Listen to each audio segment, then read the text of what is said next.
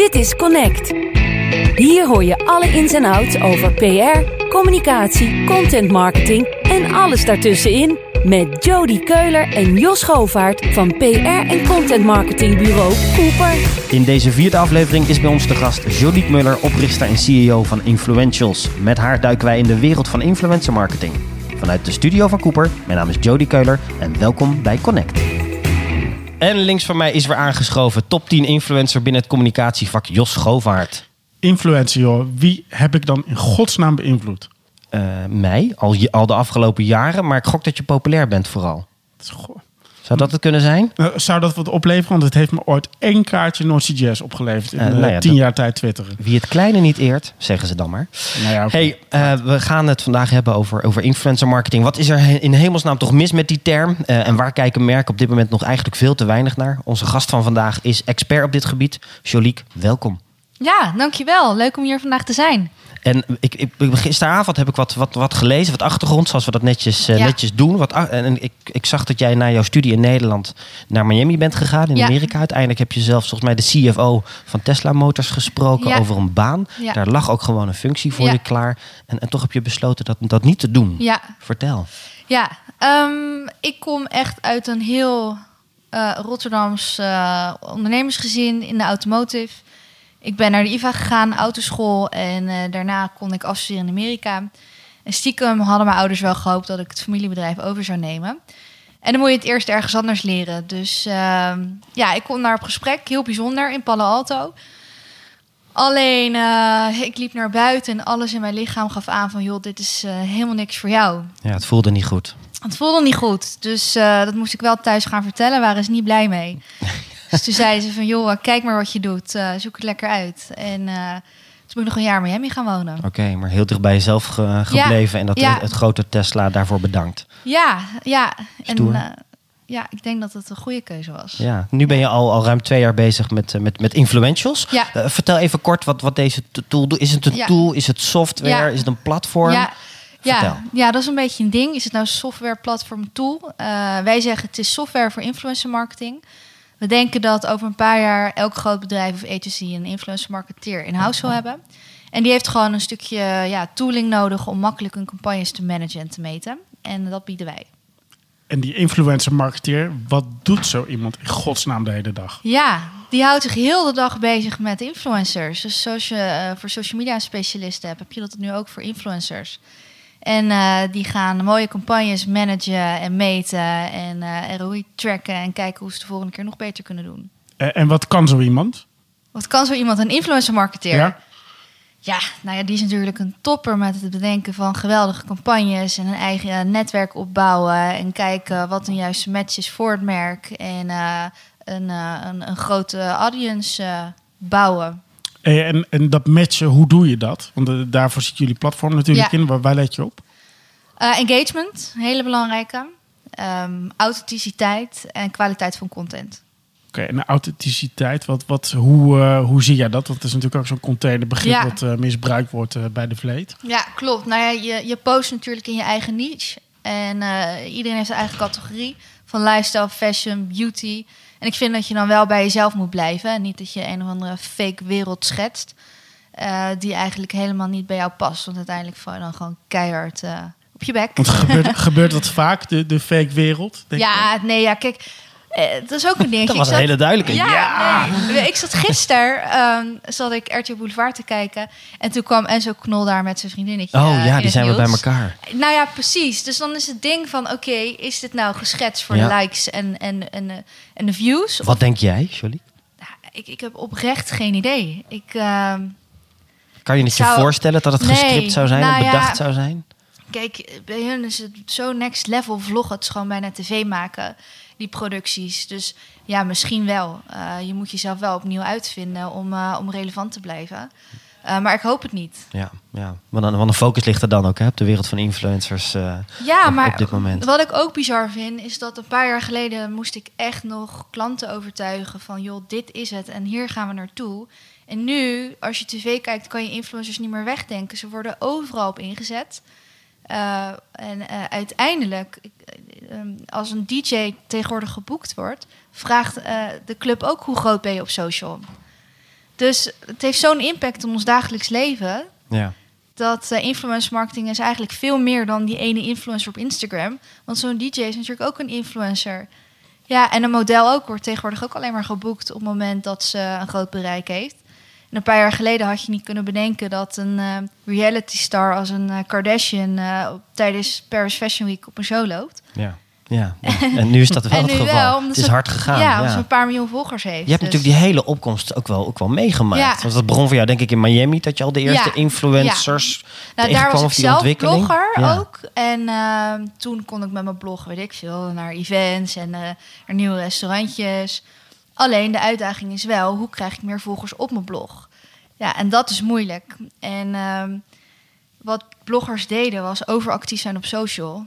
Dus je vrienden en familie spam met hey, nieuwe blogpost. Terwijl die zitten er helemaal niet op te wachten. Ja. En zo ben ik eigenlijk op het idee van de I Love Fashion bloggers gekomen naar Nederland gegaan. Ik ben zelf nog naar de Fashion Weeks geweest, eh, blog-eventjes georganiseerd. Eh, van allerlei dingen uh, op dat vlak. Dat is wel heel grappig. Ja, want jij opereert ook buiten de Nederlandse grenzen, toch? Op dit ja, moment met, ja. met influential. Ja. Is, het een, is het een nadeel dat je in Nederland gevestigd bent of een Nederlands product hebt? Het voordeel is wel, alles is online, dus je kan iedereen bereiken. Uh, we moesten laatst voor een campagne specifieke steden, zoals een land als Polen, influencers zoeken. Ja, dat duurt wel eventjes, maar we kunnen ze wel vinden. Dus uh, nou, voor nu gaat dat wel prima. Oké. Okay.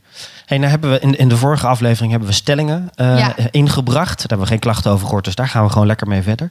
Ja. Um, ik leg een stelling aan je voor en dan aan jou de vraag om kort te reageren Ja. met een eens of oneens. En dan uh, verdiepen we die vervolgens. Komt-ie. Het stukje influence binnen influencer marketing is stevig overschat. Eens of oneens? Nou ja, die kan je positief of negatief benaderen, deze. Ik ga heel streng zijn. Eens of Je mag oneens? later wel nuanceren. Oké. Ik heb alle ruimte.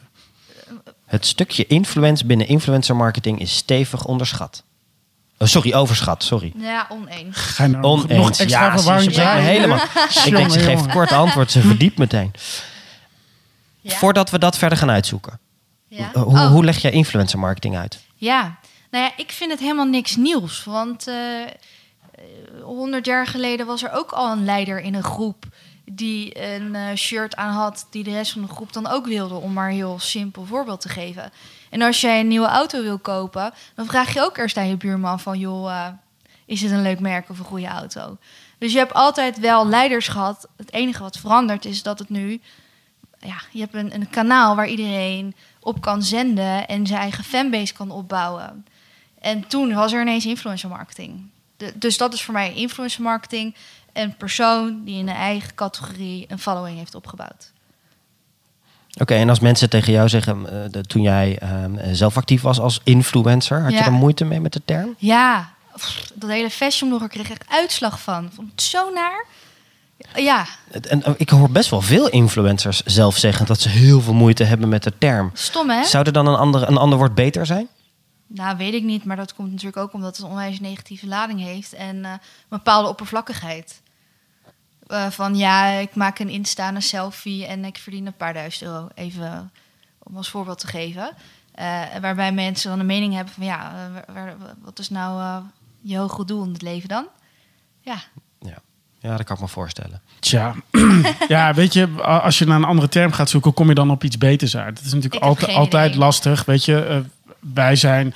Kijk, eh, het voordeel van zo'n term is dat je er iets op kunt bouwen. Een softwareplatform of een bureau of wat dan ook. Nou ja, precies. En dat heb je in alle tijden. Dat hebben wij zelf natuurlijk ook gehad. Toen wij in 2009 begonnen was PR 2.0. Was een, eh, het eh, volgende Ja. kraaltje, een spiegeltje.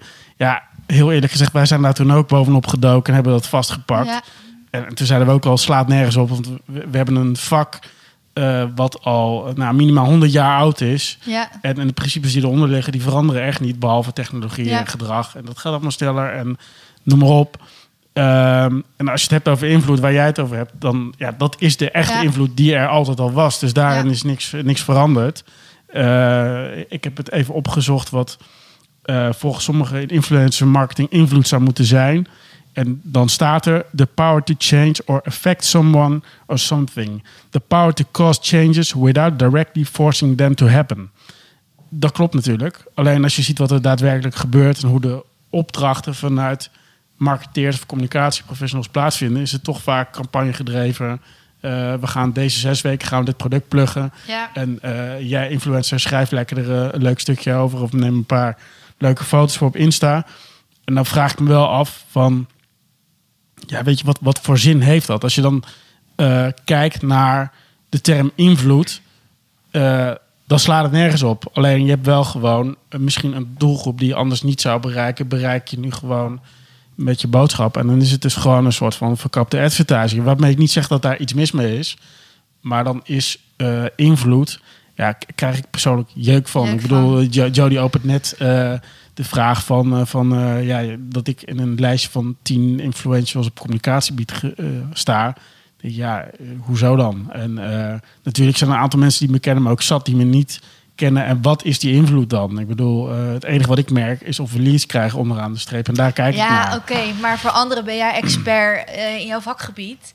En daar een leider en een inspiratiebron. Dus misschien het dan te plat voor jezelf. En raak je ze dan toch? In die zin Ja. klopt Ja, nee, maar- term. En dit is ook iets Nederlands, hè, trouwens. Ja, om, om, ik, ik vind het niet. eh, ik hoef niet klein te denken. Alleen, weet je, die invloed, maak het dan concreet. Van wat is dat dan? Waar gaat het over? En eh, als je in, je bent geen influencer, want je bent gewoon een mens. En uiteindelijk kan je invloedrijk eh, worden of zijn in een bepaald, op een bepaald gebied of ten opzichte van een groep of wat dan ook. Ja, Eh, eh, het heeft voor mij een beetje van de nieuwe viral. Weet je, een viral heeft ook nooit bestaan. Alleen als je een hele goede video maakt en die raakt een bepaald, bepaalde emotie, dan ging die viral. En dat is nu precies hetzelfde. Als jij gave content maakt vanuit je hart, wat dichtbij ligt en wat bij je doelgroep past, dan kan die content gaan vliegen. En dus krijg je als effect misschien wel invloed.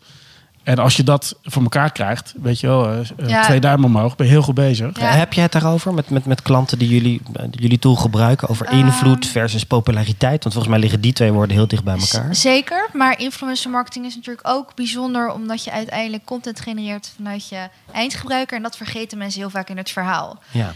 Eh, en dat is ook wel een doel waarvoor klanten van ons het inzetten. Van ja, ik kan zelf een fotoshoot gaan organiseren met 30 mensen op 30 verschillende locaties, maar het is arbeidsintensief en mega duur. En nu heb ik authentieke content die ik gewoon kan gebruiken voor mijn eigen socials, misschien wel voor ads, wat veel beter werkt. In de begintijd van social media noemden we dat nog gewoon user-generated content. Ja, Ik bedoel, wa- wat is er gebeurd? Is het gewoon dat het dat op het moment dat merken snappen dat ze niet meer vanuit zichzelf moeten roeptoeteren, maar dat het gaat om de doelgroep zelf die in principe niet geadvertised wil worden, dat, dat er een soort van next level van user-generated content kwam en, en dat we daarom maar een nieuwe term verzonnen hebben. Terwijl een oud ontdekte kracht gewoon ja herontdekt maar is. die users hadden die volgers. Ja, over het algemeen wel, denk ik. Tenminste, al- als het als voorbeeld in de textbooks, in de, weet je wel, in de social media boekjes eh, die uitgegeven werden, behandeld werd, dan waren dat eh, eh, Gary Vaynerchuk is een heel mooi voorbeeld die toen eh, Wine Library TV heet het geloof Ja. ik had.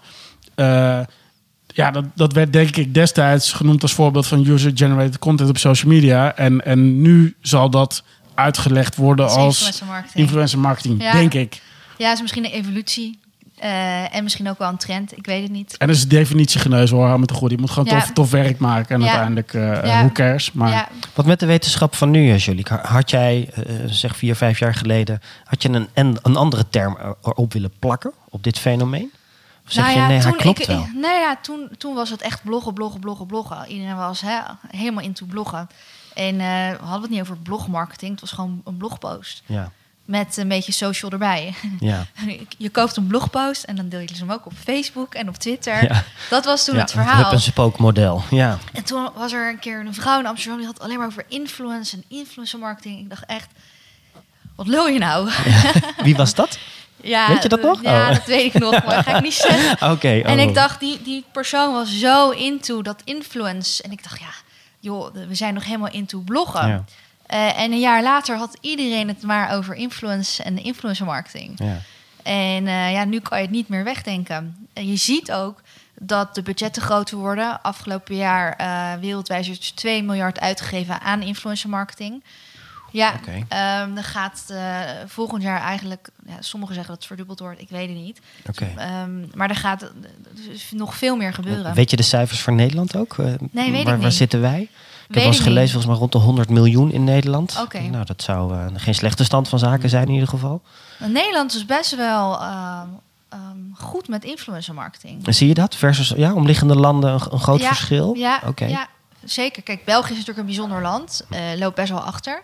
Eh, influencers. eh, Jij zegt het, wij zwijgen. eh, ja, Nee, we horen het ook Ja, van Belgische collega's. Ook het verschil tussen Ja. Vlaanderen en, en, en Wallonië wel. Ja. Dat eh, de Walen nog best wel bereid zijn om gratis voor dingen te komen. Nou, de, de, de, de, de, de Flemish die zijn al wat verder. Verder. Die, die zijn al iets commerciëler Ja. aan, het, eh, aan het denken.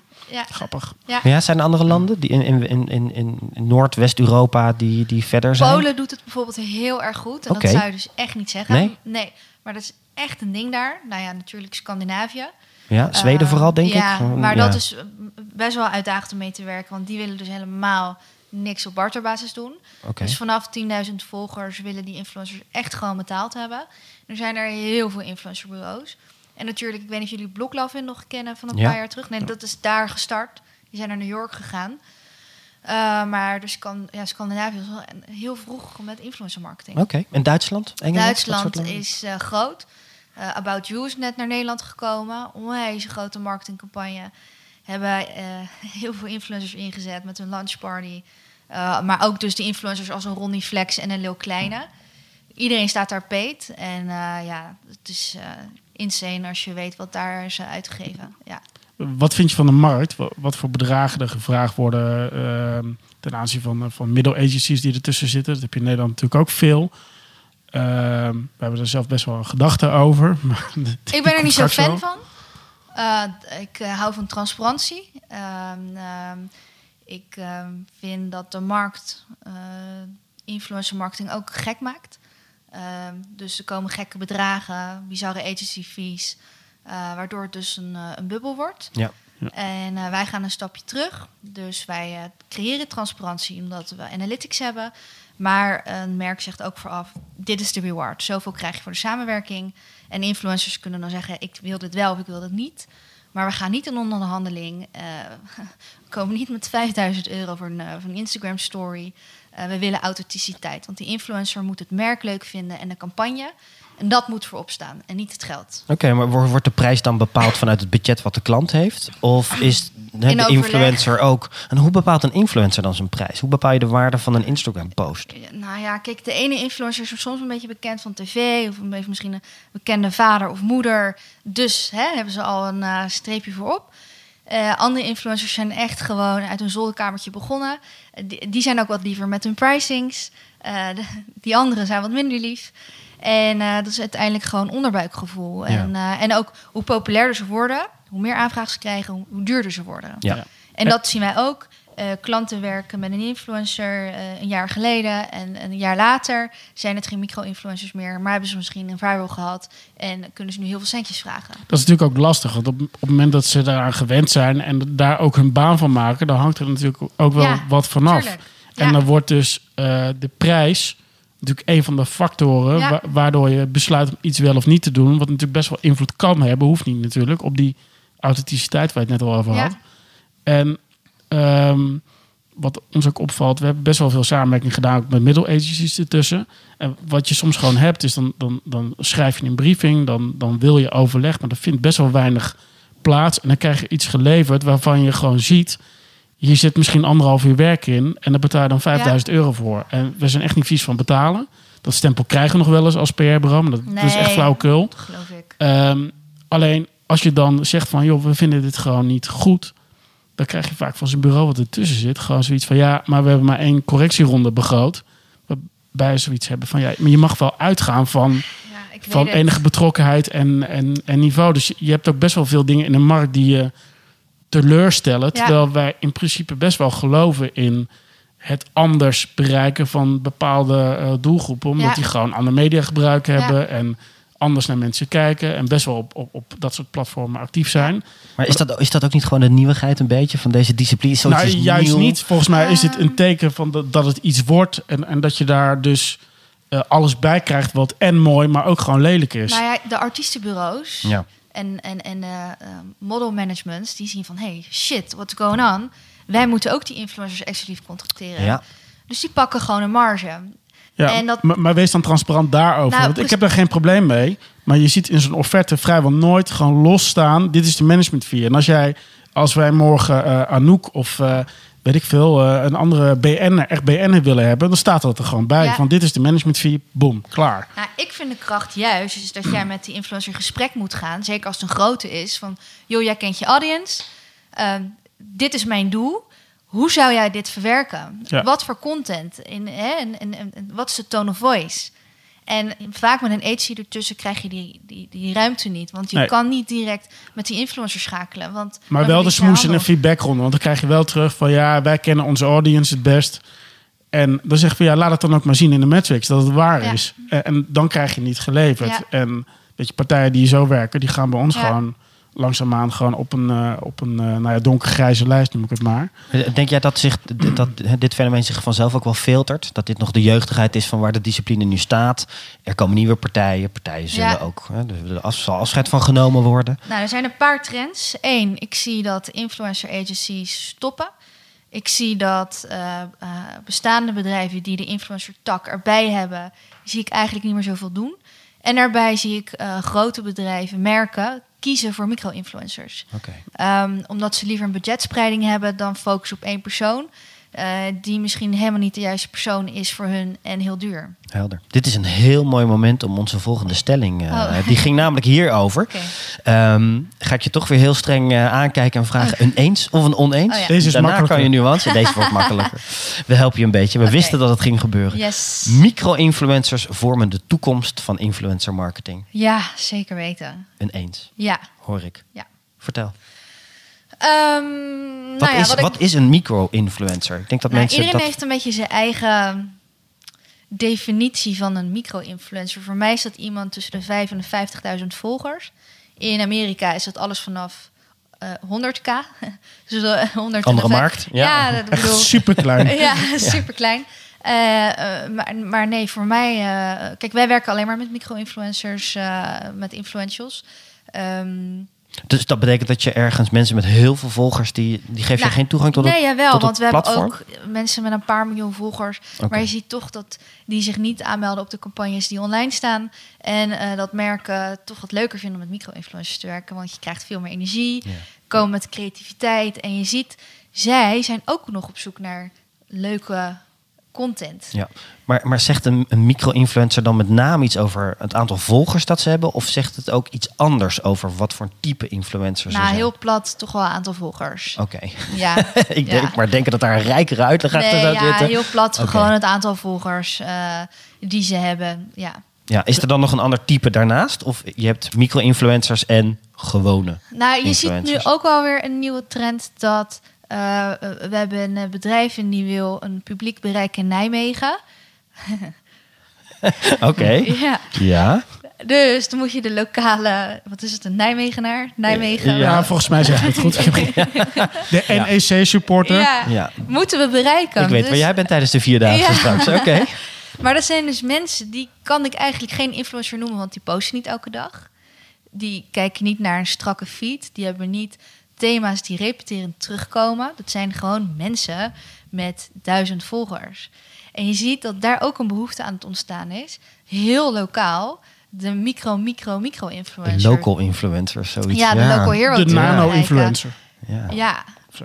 misschien is dat wel een goeie. Ja, ik ben nog macro, micro, nano is dan Hey, de Zullen wij die dan gewoon eh, lanceren? Ik, me- eh, Dat, 2018. dat was toch ook met die simkaartjes? Dat ging toch ook van micro naar nano? Ja, daarom. Het is, eh ja, menig funnel komt dat voor, ook die term. Dus nano-influencer. Ja. Nou, Hashtag ons, cadeautje aan jou. Ja, ja, ja. Krijg ik dan morgen toch stiekem een factuur eh, Ja. als ik hem op LinkedIn post? Nou, Ja, Jos, is- Jo- we hebben net gezegd, Jos is een influencer, hè? die Ja. kost wat. eh, ja. Nou, maar niet, niet zo snel. De factuur komt later. Nee, ehm, nee maar, maar micro-influencers. eh, Kijk, volgens mij zit er ook wel een hele eh, simpele psychologie achter... die wel eens eerder is eh, onderzocht ten aanzien van BN'ers. Zeker als je als merk al wat bekender bent... dan werkt het over het algemeen redelijk contraproductief... als je een heel bekend iemand eh, inzet. Want dat komt al snel over als ik heb betaald voor aandacht en eh, ik draai een campagne Mhm. en dan kan ik het makkelijk schalen. Terwijl als je iemand die wat onbekender is eh, inschaalt en die jezelf groter met het merk kan laten groeien, dan komt het eh, gewoon in de hoofden van mensen gewoon beter over. Dus het is niet alleen maar budgetspreiding, maar het is ook volgens mij de, de kans op geloofwaardige content die gewoon groter is. Plus Zeker. de agenda van iemand. Kijk, als je, als je al heel bekend bent en je kent iemand al van, van RTL Boulevard of van, van RTL Night, omdat hij daar al aangeschoven heeft. Ja. En je ziet, hij ineens aan je merk vastgeklampt zitten. Ja. Ja, ga je dat dan, ga je dat dan geloven? Dat Ja. lijkt, me, lijkt me lastig. Terwijl je gewoon, als je gewoon een mens ziet opkomen en Ja. die. Ja, Nee, hij is, is veel organischer. En eh, ik, ik heb het hier alleen maar authentiek vandaag zeg. Maar, je mag ook best een ander woord kiezen hoor. Maar, nee, maar ik vind dat echt de basis van een goede, goede samenwerking. Echtheid. Ja. Ja, Ja. ja. Anders prik je er zo doorheen. En die volgers ook, hè. Die volgers gaan dan commenten van... joh, wat is dit? Het past helemaal niet bij jou. En dat is het risico. Dus eh, dan verliezen ze eigenlijk zelf business. Iets anders wat me opviel is... ehm, kijk, content maken is uiteindelijk ook gewoon wel een, een vak. En je ziet wel in de eh, influencers die er zijn...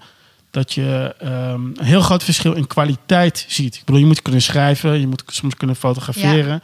Maar met name eh, vloggers, weet je... het hoeft geen strakke televisieproductie eh, te zijn... maar je kan wel soms het verschil zien of iemand moeite eh, gedaan heeft... om een leuk effectje te bedenken, leuke montage te maken... Dat ja. je nadenkt over een soort van story, een verhaallijn ik, ik merk dat, je, eh, dat dat niet per se gekoppeld is aan de hoogte van een budget of iemand het kan of niet kan. Hoe ehm, he- hebben jullie daar op, op platform iets, iets voor bedacht zodat je daar wat beter op kan selecteren? Of, Ik denk, omdat de rewards bij ons dus niet op 1000 euro liggen... maar vaak wel wat lager... Mhm.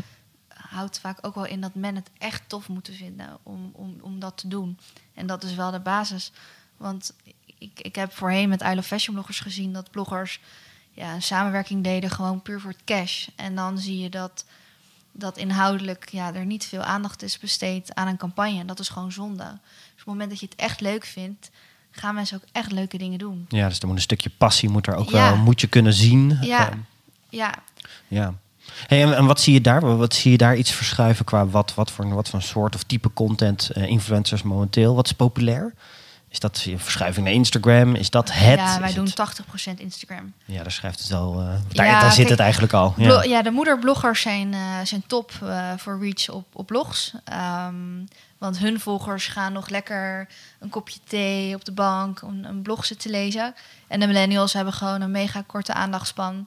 En eh, die zitten op Instagram. Eh, de nog jongere doelgroep zit op Musical.ly. Ja. Nou, dat is. ik, ik, ik voel mezelf nu oud, want ik eh, ben twee weken geleden 26 geworden. En toen zat ik met een van de ambassadeurs in Nederland van Musical.ly te praten. Dus ik denk, nou, laat ik die app downloaden, want ik had hem nog niet. Het gaat zo ja. rete snel. Het zijn de twaalfjarigen toch Ja. ongeveer die daar... eh, ja. Ja, maar ook al paid collabs eh, op Musical.ly. Eh, dat ze naar de Efteling gaan en vaak nog meer bereik hebben dan op YouTube. En dat gaat, dat, dit gaat ineens zo hard dat ik denk, hè? Ja, dit, dit is natuurlijk ook precies het probleem van merken. Hè. Die willen daar dan ook weer zijn, want er is weer een nieuwe doelgroep. Het is naar Ja. een nieuw platform gegaan. Ja, snappen ze in de basis natuurlijk heel erg weinig van. En daar willen ze eigenlijk zoveel mogelijk data, insights en, en dat is dus bewijs het probleem. hebben. Want een Musical.ly heeft nog geen API, Ja, die dus heel weinig data eh, eh, kan geven. Dus ja, hoe ga je dan als bedrijf daarmee om? Ga je mee met de trend en eh, pak je dat risico of neem het risico? Of, ehm, of zeg je nou, ik blijf bij YouTube? Nou, ik, ik denk Ja. dat je als merk gewoon moet nadenken. Niet zozeer wie je wil advertisen, omdat je groot bereik wil. Maar dat je veel meer moet nadenken vanuit de behoeften van je publiek. Van wat Ja. willen zij? Hoe kan ik, eh, kan ik iets vinden wat bij ons past, maar ook bij de doelgroep past? En weet je, daar kan je ervan uitgaan dat het waarschijnlijk wel eh, effect heeft. Ja. En uiteindelijk is nog steeds, volgens mij 80% van de eh, word, of, word of mouth communicatie vindt nog steeds offline plaats. Eh, dus weet je, eh, je moet ons ook niet gek laten maken door het enige wat meetbaar is wat online is. Volgens mij als je, er- als je gewoon goede dingen maakt voor je juiste publiek en je zorgt dat je ook interactie of connectie hebt met die mensen, zodat je met ze gewoon ja. met ze praat, weet je wel, Ja. heel ouderwets, face-to-face. Ja. Eh, of een telefoongesprek, eh, dat kan de telefoon ook nog. En ja, weet je, volgens mij als je dat doet, dan krijg je vanzelf wel een voeling van ben ik nou de juiste dingen aan het doen. En ik heb soms het idee dat sommige marketeers, dat ze als ze duiken op een nieuw kanaal, dat ze dat vergeten. Dat ze vooral dat kanaal willen beheersen en Ja. daarvan specifiek alles willen snappen. Terwijl het volgens mij niet boeit. Kijk, als jij naar een musical.ly kijkt en je denkt van shit, ik, ik voel me daar te oud voor. Ik heb dat heel erg met Snapchat. Met die, die interface, daar kan ik helemaal niks mee. Maar ik kan me wel, een, ik, ja, weet je, ik kan me wel verplaatsen. Ik, ik heb een dochter van vier, dus die snap ik. Eh, weet je wel, we hebben hier mensen die fors jonger zijn dan ik. Die probeer ik ook wel te snappen. Ja. Weet je, en volgens mij als je daar naar kijkt, in plaats van eh, snap ik het knopje links, rechts, eh, boven, onder. Want die, die interface van Snapchat, die kan echt niet. Maar Maar ja, z- z- Ja. zou het dan ook zo kunnen zijn dat ik ook hoorde, de influencer marketeer is dan aan het, aan het ontstaan? Waarom zou deze nieuwe discipline niet gewoon ondergebracht kunnen worden bij een goede PR-manager? Die een relatie van een bedrijf als geen ander weet te beheren. zie je ook gebeuren, hè? dat dus een PR-manager in een bedrijf nu influencer-marketeer wordt. Of zegt PR en influencer-marketing. Ehm, dat, dat Oké, ze voegen het eh, toe Ja, aan, de, aan de als het ware. Oké. Ja, Vind je dat een logische plek als jij de keuze zou moeten maken voor een bedrijf? Nou ja, PR is, is ehm, vaak toch wel een stukje free publicity, toch? Correct me if I'm wrong. Ik bedoel, ik zit 9 van de 10 keer met de marketingmanager. Nee, maar jij, jij zegt net ook, we kopen steeds meer paid in. Dus dat is zeker waar. Maar de basis van PR is van wat ik weet toch wel... We, kijken wat we organisch kunnen bereiken. Eh, ik zie wel steeds meer PR-bureaus ook met een budget komen... en ook influencers inkopen. Ehm, maar voor mij, ja, prima. Ik bedoel, die PR-manager weet echt wel hoe die, die influencer moet eh, kriebelen. Ja, eh, nou, als om je het een hebt over het- die menselijke relatie, creatieve, Nee, creativiteit juist. binnen een campagne, langer termijn, eh, dan raak je ook wel de wereld van, van PR aan. En nog zoals die zou moeten zijn. Hè? Ik bedoel, eh, ja, het is ook theorie. wat, wat ja. Joliek zegt is natuurlijk waar. Weet je wel? De, hoe, de perceptie van, van, van PR is toch vaak gewoon mediarelaties. Ja, En als je teruggaat naar eh, dat boek wat we in 2009 ons eerste feestje over hadden, Putting the Public Back in Public Relations, dan eh, blijkt dat ons vak toch gewoon eh, psychologie en sociologie is. En volgens mij als je vanuit dat perspectief zou vertrekken, dan Ja. past influencer marketing ontzettend logisch bij PR. Maar dan moet je wel zo denken. En eh, dat geldt hetzelfde voor de marketeer die dit moet doen hoor. Ja. Als die zo denkt, is het helemaal prima.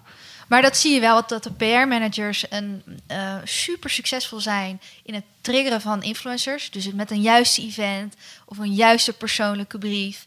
Eh, en niet een copy-paste mailtje vanuit de marketingmanager, die dat toch eerder zou doen. Ja. Waardoor je inderdaad die relatie opbouwt. En eh, dat resulteert dat die influencer maximaal voor je aan de slag gaat. En dat is heel grappig. Ehm, bespaart dat geld, denk je? Zeker, want je kan kiezen of ik doe 30k, doe ik eh, influencers betalen en ze kijken maar wat ze doen en ik zie content terug. Of ik investeer 30k in een experience. Ik laat ze invliegen in Spanje, een fotoshoot. Waarvan ik weet, oké, deze fotograaf komt, dus ik heb top content. En eh, die gasten die eh, worden helemaal crazy, want die zien allemaal gave dingen. En eh, ze doen nog meer dan afgesproken. Dus ze staan te snapchatten en Insta-stories te maken... omdat die experience zo cool is. En Ja. ik denk dat eh, dat heel belangrijk is. eh, dat je ze helemaal meeneemt in de beleving.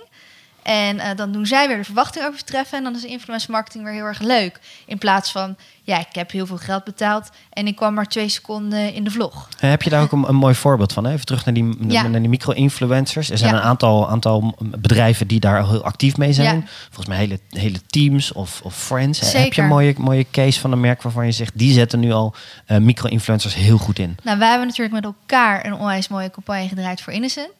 Eh, waarbij we 50 micro-influencers in hebben gezet.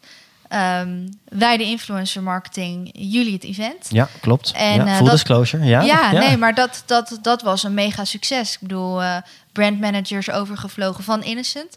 Juist om dat verhaal te vertellen. Juist dat persoonlijke stukje. En ik denk dat dat een, een, een- hele mooie succesformule was. Ja. Juist die combinatie. Stukje waar wij geen verstand van hebben. Eh, en jullie wel. En ik denk dat als je dat bij elkaar voegt, dat je dan wel iets speciaals hebt. Mooi, mooi. Hey, de, de, de, de, de volgende stelling, eh, de, de laatste. Ehm, een eens of een oneens van jouw Ja. kant? De term influencer marketing zit over drie jaar op de bank naast RSI, social business en het woordje authenticiteit. Eens of oneens? Nee, oneens. Nee, want weet je wat het is? Dit gaat niet weg. Alleen het zal eh, anders zijn. Er zal heel veel influencers zullen er afvallen. Eh, merken zullen gewoon een echte strategie hebben door ambassadeurs eh, te zoeken en te maken voor een merk in plaats van een korte samenwerkingen. Ik denk echt dat, dat een langetermijn samenwerking en, en dat het doorlopend is. Dat is heel belangrijk. Ja, vre- vrees je niet voor een soort influencer moeheid? Iedereen heeft het Ja, daar erover. Het is vorig veel. jaar daar ook al over. Ja, ik weet het niet, want die volgers die boeit dat niet zo. eh, die, die, ook dat als, er, als het sponsors is, ik bedoel, volgers vinden het helemaal niet zo erg. Eh, maar dan moet het wel bij die influencer passen. Ik bedoel, Anna Nushin had eh, een tijd geleden een campagne voor Shell gedaan. En nou echt niet om Anna te bashen, want ik vind, ik vind dat Anna echt een topper is. En ik vind het heel knap hè, hoe zij zich als influencer nu neer heeft gezet. Maar die campagne met Shell was gewoon een mismatch en, en, en, en niet goed neergezet. Het ging over Shell heeft een eco-friendly eh waterbottel, Ja. toch? Ja, klopt. En zij stond daar in een hele sexy badpak op het strand. Ja, dat was wel even spannend. Ja. Wie had daar moeten ingrijpen? Of wie had dit kunnen weten dat dit geen En match zij was zelf. geweest? Zij heeft toch uiteindelijk die foto zo eh, laten maken. En eh, er waren ook influencers die hadden het wel cool gedaan. Die zaten tussen de rommel, tussen allemaal afval. En eh, ja, die foto die sprak echt gewoon van oké, hè, er is iets er aan de hand. En het was niet, eh, ik zie borsten en eh, een mooi lichaam. Ja, ja. Dus eh, Ja, wat daar denk ik het punt mee is, is dat, dat, eh, dat je echt wel goed moet nadenken over die selectie. En het beeld wat toch bij veel mensen blijft hangen, is een beetje de leegheid van het bestaan van influencers. Ik bedoel, er worden ook documentaires over gemaakt. En in sommige gevallen is het ook gewoon, is het gewoon waar. Ik vraag me bij sommige influencers af. eh, die zijn vooral bezig met zichzelf te etaleren in plaats van de wereld om hen heen of wat dan ook.